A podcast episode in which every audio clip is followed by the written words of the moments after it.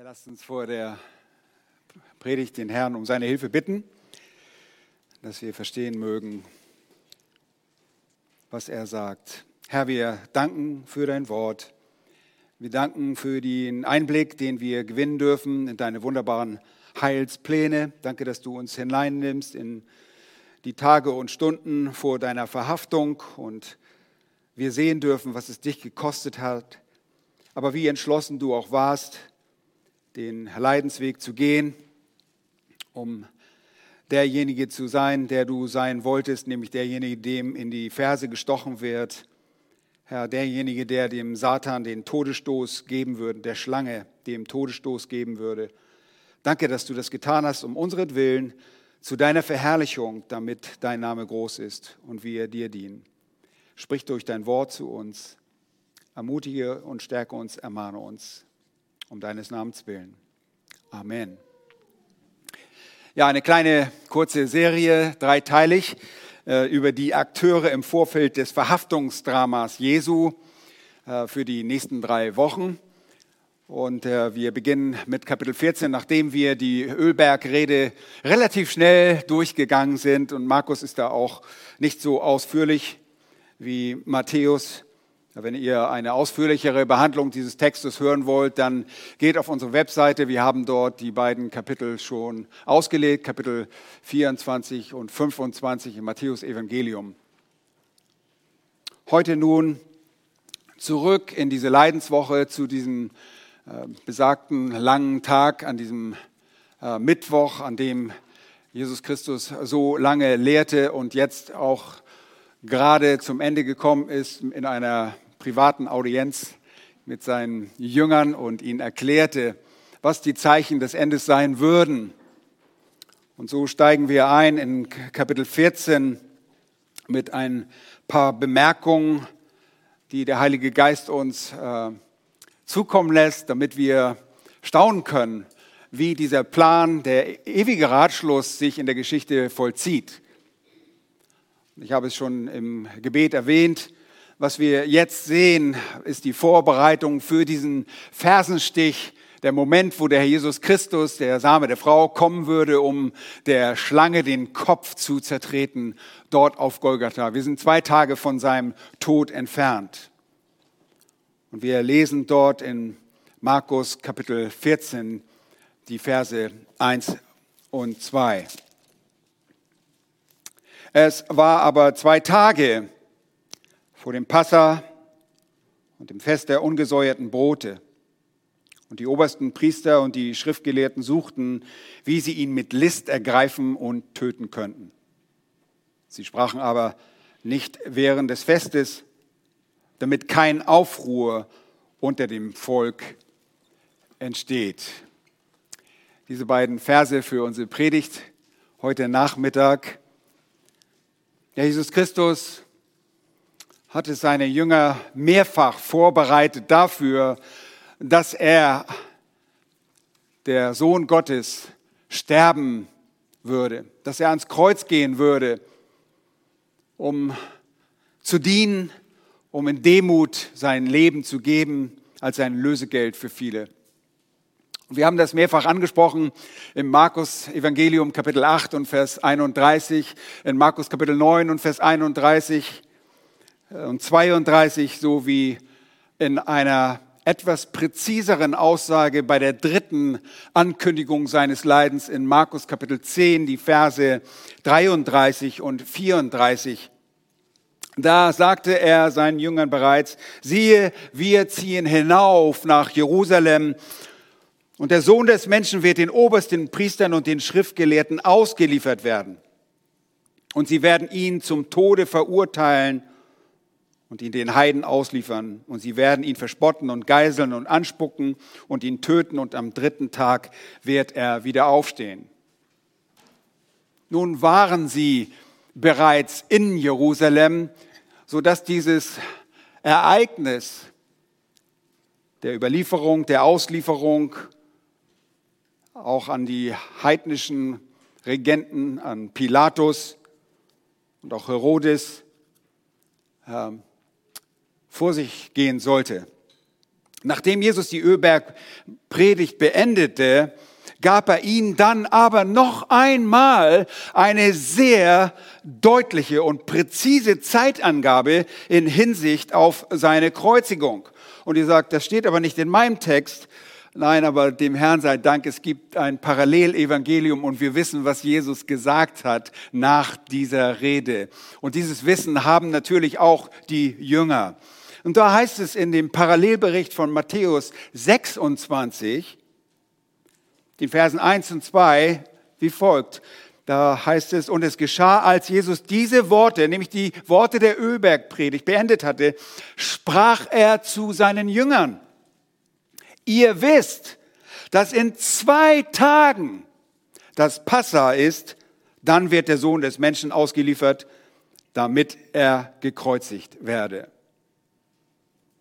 Markus gibt in diesen ersten beiden Verse eine präzise Zeitangabe auf das Fest, erwähnt nicht die Kreuzigung, aber fasst zusammen, was in den Köpfen der feindlichen Akteure im Vorfeld der Festnahme Jesu vor sich geht und was diese Feinde des Herrn miteinander berieten, was sie planten.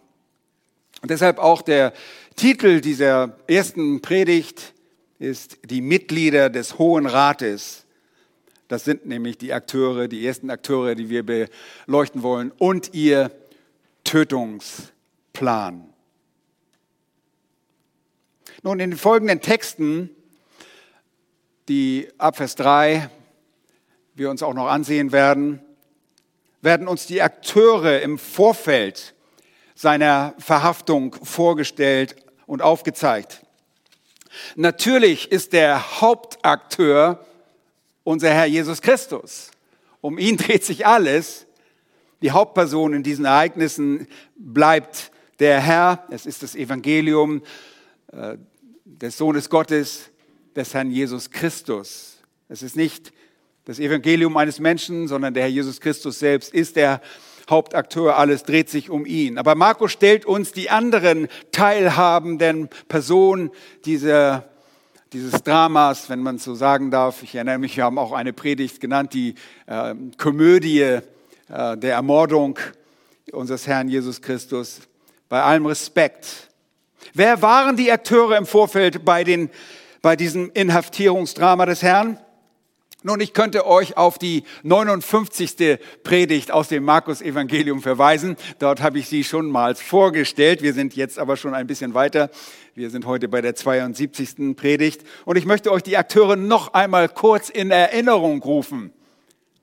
Zum einen, so sagt der Text, wenn ihr genau hinschaut, sind es die obersten Priester. Und zu ihnen gehörte der hohe Priester und die Anzahl des Hohen Rates, so wie er auch genannt wird, machte mit diesem Hohen Priester 71 aus, 71 Personen. Und trotz der politischen Unruhen für die Juden blieb das Amt des Hohen Priesters beim Volk im hohen Ansehen. Er stand an der Spitze des Rates und er war auch der Einzige, der die sogenannten äh, Amtsausübung, diese kultischen Übungen, Handlungen am Yom Kippur, an dem Tag, der, an diesem Versöhnungstag verrichten konnte, um Söhnung für das Volk zu erbringen. Und wie ich euch schon vor ein paar Wochen zuvor äh, zitierte, sagte uns Philo, der alexandrinische Geschichtsschreiber, äh, in seinen Aufzeichnungen, beschreibt er uns die hohe Sicht eines hohen Priesters Zitat Beginn, der hohe Priester ist zwar, sagt er, mit anderen zusammen betrachtet nur wenig, viel aber wehrt er, wenn er allein da ist. Er wird nämlich der ganze Gerichtshof, der ganze Rat, das ganze Volk, die ganze Masse, das gesamte Menschengeschlecht, ja, mehr noch, wenn man die Wahrheit sagen soll, eine Art Mittelwesen zwischen Gott und Mensch. Zitat Ende. Ein wenig übertrieben, wir wollen es mal nicht beurteilen, aber es zeigt uns auf, wie sehr der hohe Priester dennoch geschätzt wurde. Im Rang folgend waren dann die obersten Priester, die aus den Reihen der Aristokraten Jerusalems stammten. Das waren die betuchten Sadduzäer. Ihr erinnert euch, und sie waren diejenigen, die Geschäfte im Tempel betrieben und sich auch an den äh, Dingen dort bereicherten. Unter ihnen befand sich auch der stellvertretende des hohen Priesters, ein Tempelhauptmann, ein Tempeloberst. Ihm wurde die gesamte Tempelanlage zur Aufsicht anvertraut und war gewissermaßen auch der Ordnungshüter, besonders bei den Festen. Er war gewissermaßen, wenn ihr so wollt, die Tempelpolizei und er musste sich absprechen mit diesen römischen Besatzern, die ihr Lager dort in der Burg Antonia hatten. Und wir sehen bei der Tempelreinigung Jesu, dass keiner dieser Tempelhüter, weder der Römer noch aus den jüdischen Kreisen, eingreift. Die Autorität Jesu wird bei dieser Handlung am Dienstag der Leidenswoche, der Passionswoche, einfach sehr deutlich und die obersten Priester waren einfach nur fassungslos. Gleich noch etwas mehr dazu. Und zu den obersten Priestern gehörten auch die Vorsteher der einzelnen Priesterabteilungen. Diese Vorsteher waren in Jerusalem ansässig und ihnen waren alle diensthabenden Leviten unterstellt und vor allem die Standmannschaften für den Tempeldienst. Diese Gruppe von Priestern, die im Wechsel jeweils für eine Woche ihren Dienst verrichteten, das heißt eine Gruppe musste zweimal im Jahr Dienst tun. Sie wurden in 24 Abteilungen untergliedert. Und so konnten die Priester jeweils nach ihrer Dienstwoche, wie gesagt, zweimal im Jahr hatten sie diese Woche, diese Dienstwoche, konnten sie wieder zurückkehren in die Region des Landes, in dem sie lebten und mussten nicht unbedingt in Jerusalem wohnen. Sie mussten nicht dauerhaft dort wohnen. Und ihr kennt auch so einen Priester, Zacharias, aus der achten Abteilung der Abteilung Abias, ist euch bekannt. Er ist der Vater von Johannes dem Täufer. Nun zweitens erwähnt der Text die Schriftgelehrten. Und sie hatten maßgeblichen Einfluss auf die verschiedenen religiösen Gruppen und galten als solche, die Schriftkenntnisse besaßen. Ursprünglich, so wisst ihr schon, wurde eigentlich die Gelehrsamkeit den Priestern übergeben. Ein Priester sollte man in Bezug auf das Gesetz erfragen, aber das hatte sich leider im gelehrten Schriftgelehrtentum nicht gemäß der Schrift entwickelt. Alles hatte sich sicherlich einen guten Anfang und ihr erinnert euch auch, Esra der Schriftgelehrte war durchaus vorbildlich, aber danach entfernte man sich von Generation zu Generation mehr und mehr von dem Geschriebenen und ließ immer mehr mündliche Tradition einfließen, sodass diese Schriftgelehrten letztlich nicht mehr Experten der Heiligen Schrift des Tenachs allein waren, sondern solche, die die mündliche und für die Juden autoritative mündliche Tradition äh, verantwortlich waren und diese zu wahren suchten. Sie warten die Erklärung und die Anwendung der Schrift und entwickelten dazu ein zusätzliches Lehrgebäude daraus. Nun, zur Zeit unseres Herrn Jesus nun hatten sie schon länger den Tanach als unvollständig betrachtet und deshalb menschliche Traditionen hinzugefügt, die in ihren Augen absolute Autorität besaßen. Ihr wisst, ich sage immer, sie verließen das Prinzip sola scriptura. Sie haben Traditionen, wie auch die Kirchen das tun heute, hinzugefügt zum Wort Gottes. Nun, die Schriftgelehrten leiteten auch die verschiedenen Gruppen der Pharisäer an und hatten dabei wirklich maßgeblichen Einfluss auf diese. Und in unserem Text sehen diese, stehen diese beiden Gruppen nun, diese obersten Priester und die Schriftgelehrten, sie stehen für den ganzen Hohen Rat, für den Sanhedrin. Und was macht dieser? Bitte schaut in den Text. Der Plan wird wieder aufgenommen. Welcher Plan? Der Tötungsplan. Der Plan, Jesus zu ergreifen und Jesus zu töten, wird wieder aufgenommen. Worin steht die Ursache und der Ursprung für solche Planung? Erstens wollen wir uns die traurige Ursache des Plans ansehen. Wenn wir die gesamte Geschichte des Herrn Jesus lesen und wir uns die Bibel vor Augen führen, dann fragen wir uns, warum nicht alle Menschen sich vor dem König der Könige und dem Herrn der Herren in Demut beugen. Wir fragen uns, warum nicht alle an den Herrn Jesus als Retter glauben. Ihr Lieben, die Bosheit der Menschen ist zu groß dafür, Denn jeder Mensch, der von sich aus behauptet, gut zu sein, der hat weder sich recht, äh, sich selbst recht beurteilt, noch Gott in seiner Heiligkeit erkannt. Wer so denkt, hat Gott zum Lügner gemacht, denn er bezeugt das Gegenteil. Und er bezeugt auch sich sehr deutlich. Als er Jesus auf der Erde war, bestand über seine Herkunft keinerlei Zweifel. Alles in ihm sprach davon, dass er Gott ist. Er sprach von seinem göttlichen Wesen. Alles, was er tat, sprach davon. Alles, was er war, sprach davon. Und alles, was er redete, sprach davon. Und so tat er Wunder und Wunder, die als Zeichen galten. Sie wurden gnädigerweise gegeben, um zu offenbaren, dass Jesus in der Tat der Christus, der Gesalbte, der Messias sein sollte. Der, denn Jahwe hatte, Jahwe Gott hatte lange zuvor prophezeit, dass wenn der Gesalbte kommt, dass er eben solche außerordentlichen Zeichen tun würde und so mich mit sich als, der, den, als Christus identifizieren würde, als Christus erweisen würde. Die Dinge, die er tat, hat deshalb unter anderem auch der Apostel Johannes aufgezeichnet. Und so heißt es dort am Ende seines Evangeliums in Kapitel 20 und die Verse 30 und 31, noch viele andere Zeichen tat Jesus nun vor seinen Jüngern, die in diesem Buch nicht geschrieben sind. Diese aber sind geschrieben, damit ihr glaubt, dass Jesus der Christus, der Sohn Gottes ist. Und damit ihr durch den Glauben Leben habt in seinem Namen. Die Zeichen also, die Jesus tat, sind selbst heute noch durch die schriftliche Aufzeichnung in seinem gottgehauchten Wort wirklich diese lebenserweckende Quelle für alle, die sie sprudeln lassen, die auf sie hören, für alle, die dem Wort Gottes Glauben schenken, für alle, die vor Gott Buße tun, ihre Sünde bekennen und dem Wort Gottes vertrauen und Christus folgen. Und die Menschen und vor allem seine Jünger zur Zeit Jesu konnten diese Dinge alle direkt sehen und miterleben. Die Zeichen, die Wunder, die Jesus tat, wurden von den Menschen wahrgenommen. Und sie konnten nicht geleugnet werden. Die Zeichen konnten nicht geleugnet werden. Sogar seine Feinde hielten den Versuch, die Zeichen, die Zeichen zu leugnen, für unmöglich.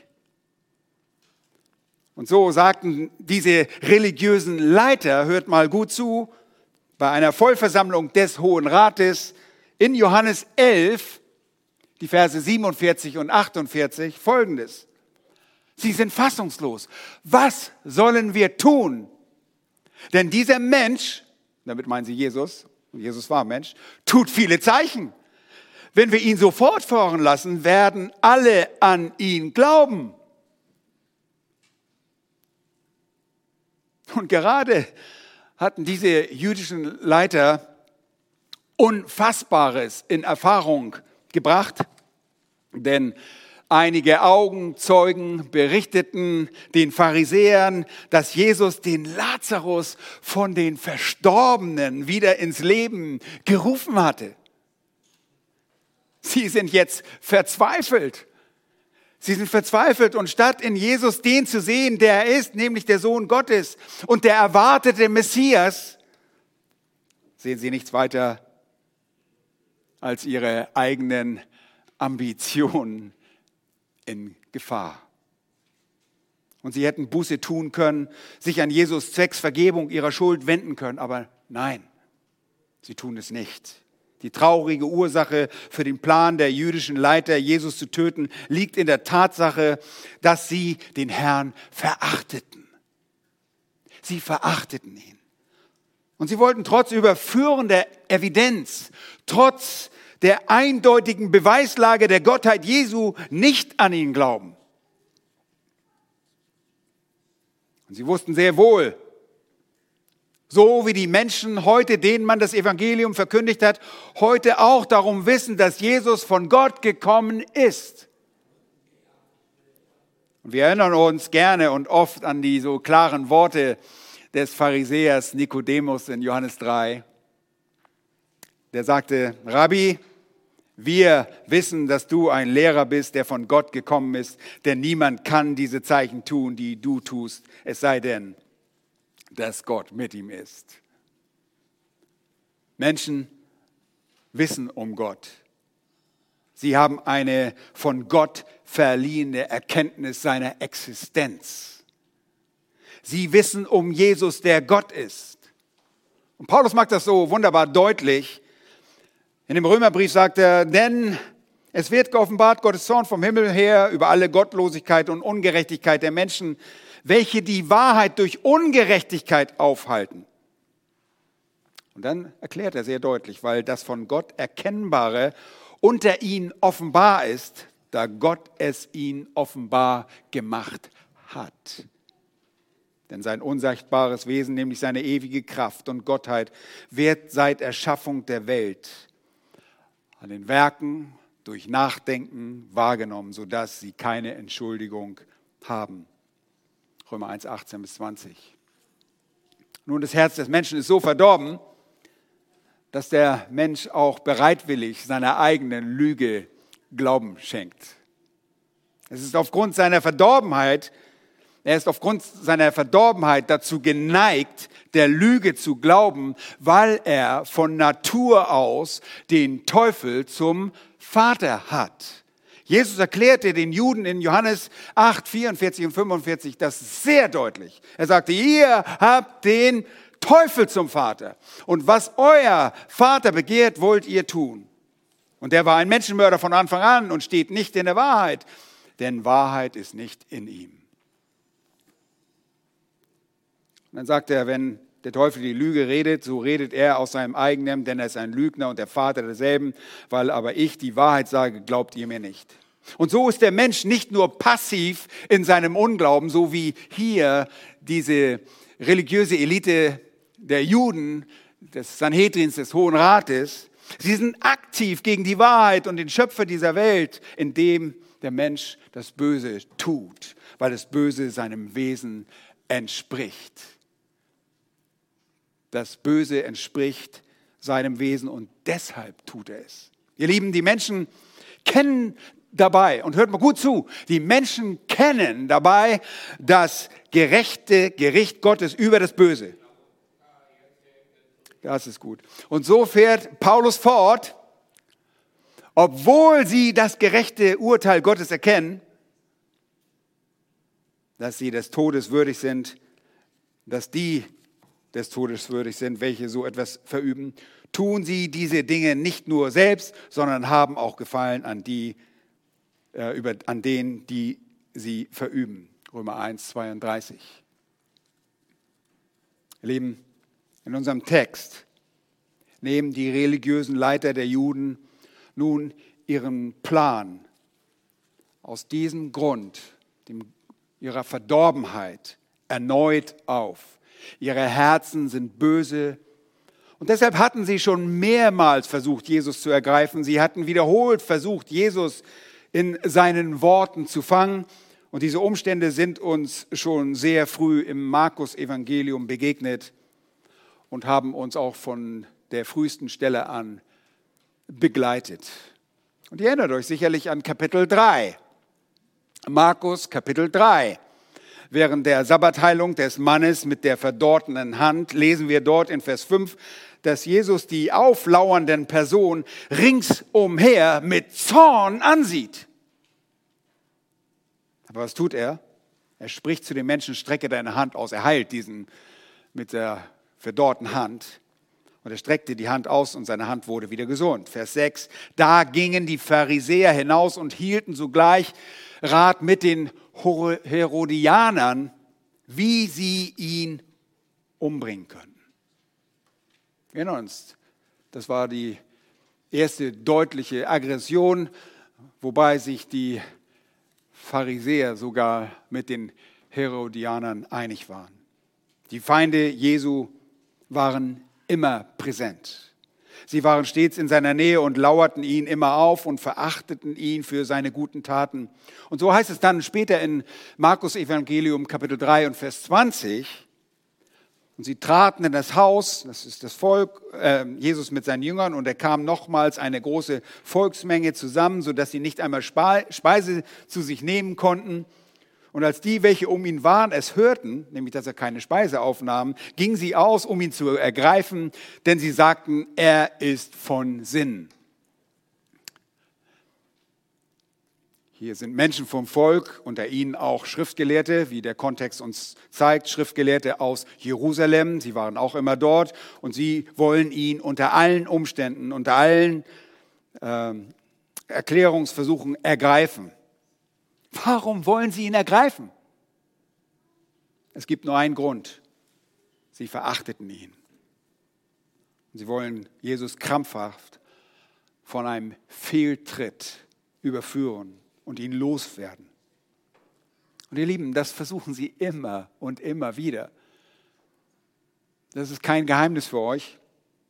Nur musste dieser Versuch, wie alle anderen auch, und diese Versuche bis zu dem Zeitpunkt im April des Jahres 30, da befinden wir uns nämlich gerade, immer fehlen. Er ging immer schief. Der Versuch, Jesus eines Fehlers, einer Sünde zu bezichtigen, musste immer schief gehen, denn Jesus konnte nicht fehlen.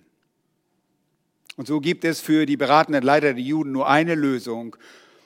Und die sehen wir in der Vorgehensweise. Zweitens, die beabsichtigte Vorgehensweise des Plans. Da lesen wir, und die obersten Priester und die Schriftgelehrten suchten, wie sie ihn mit List ergreifen und töten könnten. Nun, zwei Tage nun vor dem Fest. Und ich weiß, ich brauche nicht mehr auf dieses Fest eingehen. Wir haben darüber gesprochen, äh, welches Fest das ist. Das Pesach, das Passafest. Es ist der, nicht der Shavuot und es ist auch nicht das Sukkot. Es ist das Fest, das Pesach, das auch das Fest der ungesäuerten Brote einleitet, das man acht Tage feierte zusammen. Es ist zwei Tage davor und es passt ja auch in unsere Zeitrechnung an diesem Mittwoch. Am Freitag soll er sterben.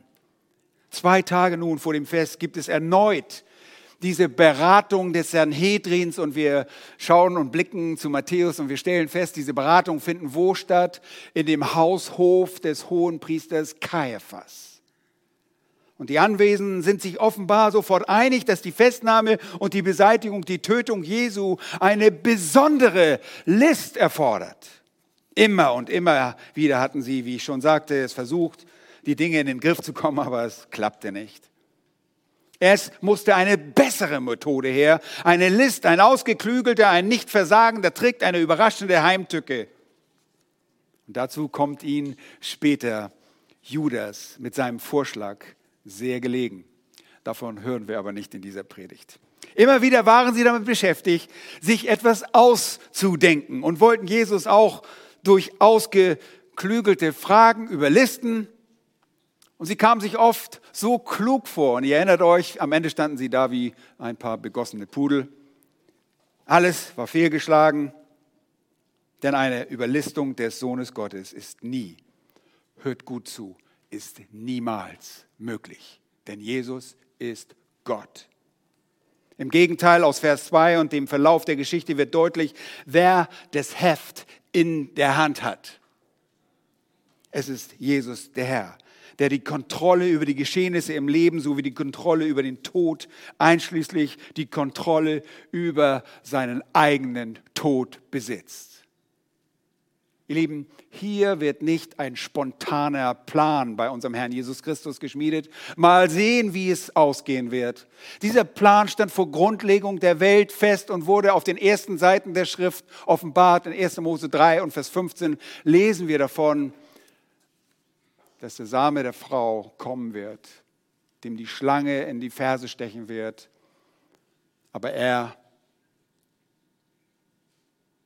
dass die, die Schlange dem den Samen in die, in die Ferse stechen wird und dass er der Schlange den Kopf zertreten wird. Der Herr hat die Kontrolle. Und obwohl sie nicht während des Festes einen Anschlag auf Jesus planen, fügt der Herr die Ereignisse so, dass er genau dann festgenommen und sterben wird. Denn das war der Inhalt seines Planes. Und der ist unabänderlich. Nichtsdestotrotz, wir sehen uns mal ihren nichtigen Plan an. Zweitens, der Plan soll verzögert werden. Ein wunderbarer Text, der uns zeigt, wie souverän unser Herr seinen Erlösungsplan umsetzt und alle Umstände in diesem Plan bis auf das letzte Detail genau einbaut. Wenn ihr von einer Lehre besonders begeistert sein soll, dann ist es auch die Lehre der Vorsehung Gottes, wie er alle Umstände im Leben von Menschen und auch in seinem eigenen Leben benutzt und orchestriert, damit genau das rauskommt, was er wollte. Und lässt dabei noch dem Feind im Glauben, es wären ihre erfolgreichen Pläne. Nun, wie kommt es dazu, dass nicht der Plan der Obersten der Juden Bestand haben wird, sondern der Plan des Sohn des Menschen? Es ist die Gottlosigkeit ihrer Pläne, die diesen keinen Bestand geben kann. Lasst uns sehen, was den Hohen Rat antreibt. Erstens die treibende Furcht der Planer. Sie sprachen nicht während des Festes, damit kein Aufruhr unter dem Volk entsteht. Nun, der Plan, Jesus zu verhaften und zu töten, wird also wieder aufgenommen, aber die jüdischen Leiter werden sich schnell einig, dass die Umsetzung dafür ein besonderes Maß an List erfordern würde und sie gehen, sehen sich dazu veranlasst und angetrieben, ihren noch undefinierten Plan zu verzögern. Eines ist klar, er musste listig sein und das Fest steht vor der Tür und Jerusalem sollte geradezu von Menschen wimmeln, Ihr erinnert euch, die Stadtgrenzen wurde an diesem hohen Feiertag erweitert, damit die große Anzahl der Pilger aufgenommen werden konnte. Bei einem solchen Fest würde die Festnahme und Tötung Jesu nur Nachteile für sie bringen. Und dessen waren sie sich sicher. Denn wir haben, wir haben zuvor erkannt, was die treibende Kraft hinter dem Handeln dieser jüdischen Leiter war. Das haben wir schon zuvor gesehen. Es war Furcht. Und die Juden fürchteten zum einen das, was Jesus tat und zum anderen das, was er sagte. Und nachdem Jesus den Tempel gereinigt hatte, dort an diesem Dienstag der Leidenswoche, das zweite Mal übrigens zu Beginn seines Dienstes tat er das auch, sagte er, mein Haus soll ein Bethaus für alle Gefolger genannt werden. Ihr aber habt eine Räuberhöhle daraus gemacht. Markus 11, Vers 17. Sie waren danach wie gelähmt. Sie waren fassungslos. Und wir fragen uns, und wir fragten uns bei der Auslegung jener Textpassage, warum die Aufseher der Juden nicht eingriffen, als das passierte. Und die Antwort ist Furcht. Absolute Furcht. Fesselnde Furcht. Lähmende Furcht. Vers 18 heißt es, und die Schriftgelehrten und die obersten Priester hörten es, nämlich sie hörten von der Tempelreinigung, und suchten, wie sie ihn umbringen könnten, denn sie fürchteten ihn. Seht ihr? Weil die ganze Volksmenge über seine Lehre staunte, fürchteten sie ihn. Markus 11, Vers 18. Die Furcht vor dem Herrn war ein entscheidender Faktor für die Wiederaufnahme ihres Tötungsplanes. Aber denkt nicht, dass es eine demütige oder angemessene Gottesfurcht war, die diese Leiter der Juden besaßen. Nein, sondern es war eine Furcht, die mit dem Verlust ihrer eigenen Privilegien zu tun hatte. Sie fürchteten den wachsenden Einfluss Jesu, dass sich durch seinen Dienst zu viele Menschen auf seine Seite schlagen würden. Und als wir in Kapitel 11 uns aufhielten, offenbart uns der Heilige Geist dort ab Vers 30 in der Frage, die Jesus stellte über die Taufe des Johannes, dass sie sich nur, nicht nur vor ihm fürchten, sondern auch vor dem Volk. Und er fragt die Mitglieder des Hohen Rates dort in, bei dieser Frage, war die Taufe des Johannes vom Himmel oder von Menschen? Antwortet mir. Ihr erinnert euch, sie tanzten rum und wollten nicht antworten. Die sagten sich, äh, überlegten bei sich selbst und sprachen, wenn wir sagen vom Himmel, so wird er fragen, warum habt ihr ihm dann nicht geglaubt? Wenn wir aber sagen von Menschen, da fürchteten sie das Volk. Denn alle meinten, dass Johannes wirklich ein Prophet gewesen war. Sie fürchteten also den Herrn selbst, aber sie fürchteten das Volk noch mehr. Lukas 22, der Paralleltext zu unserer Geschichte, da heißt es, und die Obersten und Schriftgelehrten suchten, wie sie ihn umbringen könnten, denn sie fürchteten das Volk. Es ist die Furcht, die sie beherrscht. Und die Furcht der Juden war eine fesselnde Menschenfurcht, die wir nochmals deutlich in Kapitel 12 erkennen. Dort lesen wir von dem Gleichnis Jesu, von dem Weinbergbesitzer und deren Pächter. Schaut nochmal einmal in den Text dort ab Vers 10 wo wir Jesus zunächst reden hören und dann die Furcht der Juden wird dann kommentiert. Da heißt es, habt ihr nicht auf dieses, auch dieses Schriftwort gelesen? Der Stein, den die Bauleute verworfen haben, der ist zum Eckstein geworden. Vom Herrn ist das geschehen und es ist wunderbar in unseren Augen. Da suchten sie ihn zu ergreifen. Warum? Das passte ihm nicht. Aber, da kommt das dicke Aber, dort in Vers 12, aber sie, sie fürchteten das Volk, denn sie erkannten, dass er das Gleichnis gegen sie gesagt hatte und sie ließen ab von ihm und gingen davon. Nun, für den Moment ließen sie ab, aber sie waren nicht fertig. Und sie nehmen den Plan erneut auf und wollen Jesus auf eine hinterhältige, auf eine heimtückische Art und Weise festnehmen heimtückisch ist, in ihrem Fall möglichst heimlich, ohne Aufsehen zu erregen. Wie echte Feiglinge. Aber die Erfahrung hatte sie gelehrt und deshalb wollten sie auch keine Gefangennahme und keine Beseitigung während der Festtage anstreben. Aber Lieben, was waren die tatsächlichen Gründe? Warum die Angst? Und was hatten sie zu befürchten?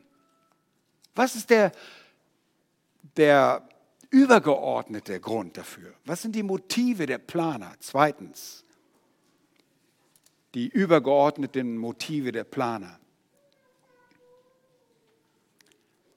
Nun, wir müssen die Geschichte kennen und wir wissen, wenige Tage zuvor, vielleicht zwei Wochen zuvor, und zwar nach der Erweckung von Lazarus, wird es klar, was die Juden wirklich so sehr fürchteten. Furcht vor dem Herrn, ja, Furcht vor dem Volk, auch das, aber hinter all dem stand eine andere Furcht.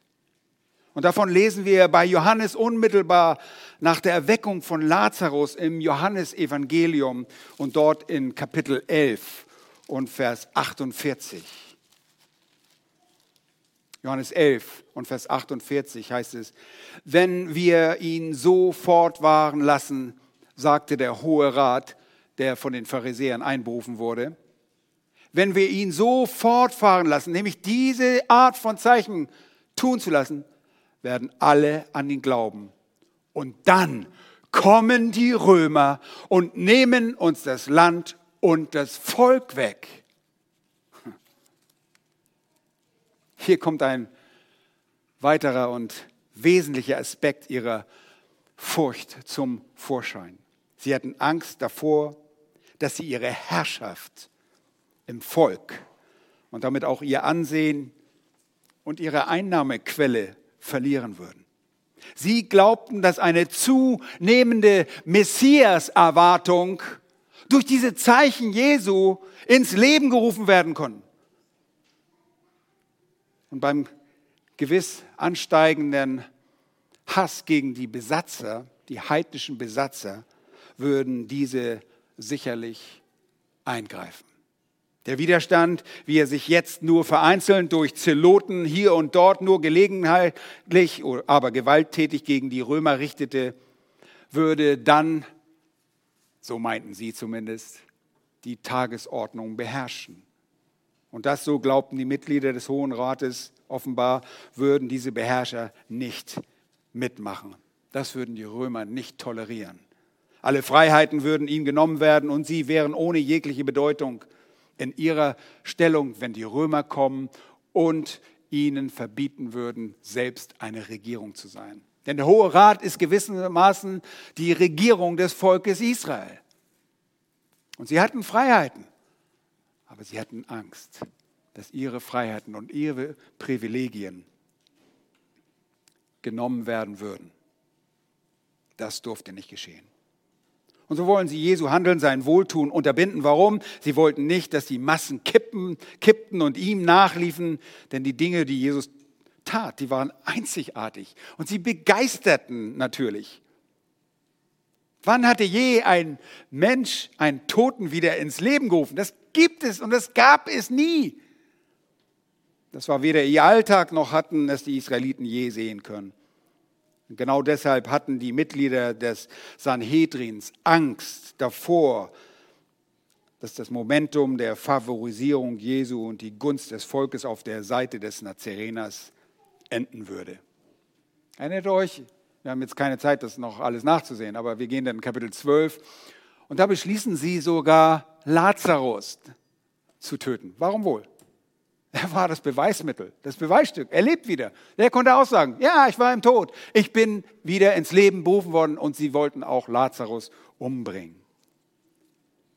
Nun, Jesus hatte ihrer Meinung nach schon viel zu viele Anhänger, die ihm wohl gesonnen waren. Und die Erwartung in Jesus als kommender Messias musste ausgebremst werden. Deshalb diese Furcht. Und so arbeiten sie hart, um die Dinge irgendwie zu drehen und um Jesus als den Verlierer darzustellen. Nun, erstaunlich ist, dass ein Teil dieser Pläne der Gottlosen aufzugehen scheint. Und das tut es. Das tun sie tatsächlich auch, aber nur deshalb, weil der ewige Ratschluss Gottes es so vorgesehen hatte. Sie bleiben natürlich in dem, in dem Glauben, dass sie ihre Pläne umsetzen werden. Aber Petrus bringt das so sehr und deutlich auf den Punkt während seiner Pfingstpredigt in Apostelgeschichte 2 sagt er dort in den Versen 22 und 23 folgendes. Ihr Männer von Israel, hört diese Worte. Jesus, der Nazarener, ein Mann, der von Gott, von euch, äh, von Gott euch gegenüber beglaubigt wurde durch Kräfte und Wunder und Zeichen, die Gott durch ihn in eurer Mitte wirkte, wie ihr auch selbst wisst das hätten sie nicht geleugnet, diesen, der nach Gottes festgesetzten Ratschluss und Vorsehung dahingegeben worden war, habt ihr genommen und durch die Hände der Gesetzlosen ans Kreuz geschlagen und getötet. Ja, die Handlung der Verhaftung und Tötung des Herrn war an sich sehr böse und es gab kein größeres Verbrechen und Gott wird diese Menschen auch zur Rechenschaft führen. Aber bei alledem leuchtet der helle, die, das Licht des ewigen Ratschlusses auf und es ist heller als der schwache menschliche Plan und die Vorsehung Gottes lässt keine Fragen offen, wer die Kontrolle in der Geschichte der Menschheit noch heute besitzt. Es erinnert mich ein bisschen an das, was die Brüder von Josef erfahren haben. Auf dem Weg hier in die Gemeinde hörten wir die Geschichte, als er dort im ersten Buch Mose, Kapitel 50 und Vers 20 sagte, ihr gedachtet mir zwar Böses zu tun, aber Gott gedachte es gut zu machen, um es so hinauszuführen, wie es jetzt zutage liegt, um ein zahlreiches Volk am Leben zu erhalten. Nun, der Unterschied zwischen diesen bösen Handlungen ist, dass der Hohe Rat nicht so gut wegkommt wie die Brüder Josefs.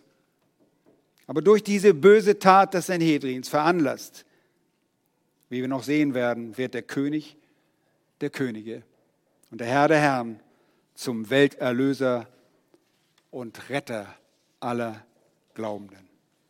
Nun, ich habe ein paar Anwendungsfragen für euch. Bin am Ende damit. Nun, ein Mensch macht vielerlei Pläne in seinem Herzen, aber der Ratschluss Jahwes hat Bestand. Heißt es in äh, Sprüche 19, Vers 21. Deine eigenen Pläne haben nur Bestand, wenn sie im Willen Gottes stehen. Hier nun sehen wir sechs Gründe, warum Pläne keinen Bestand haben. Sechs Gründe. Erstens, wenn ihre Entwerfer Gottes verachtend sind, dann haben Pläne keinen Bestand.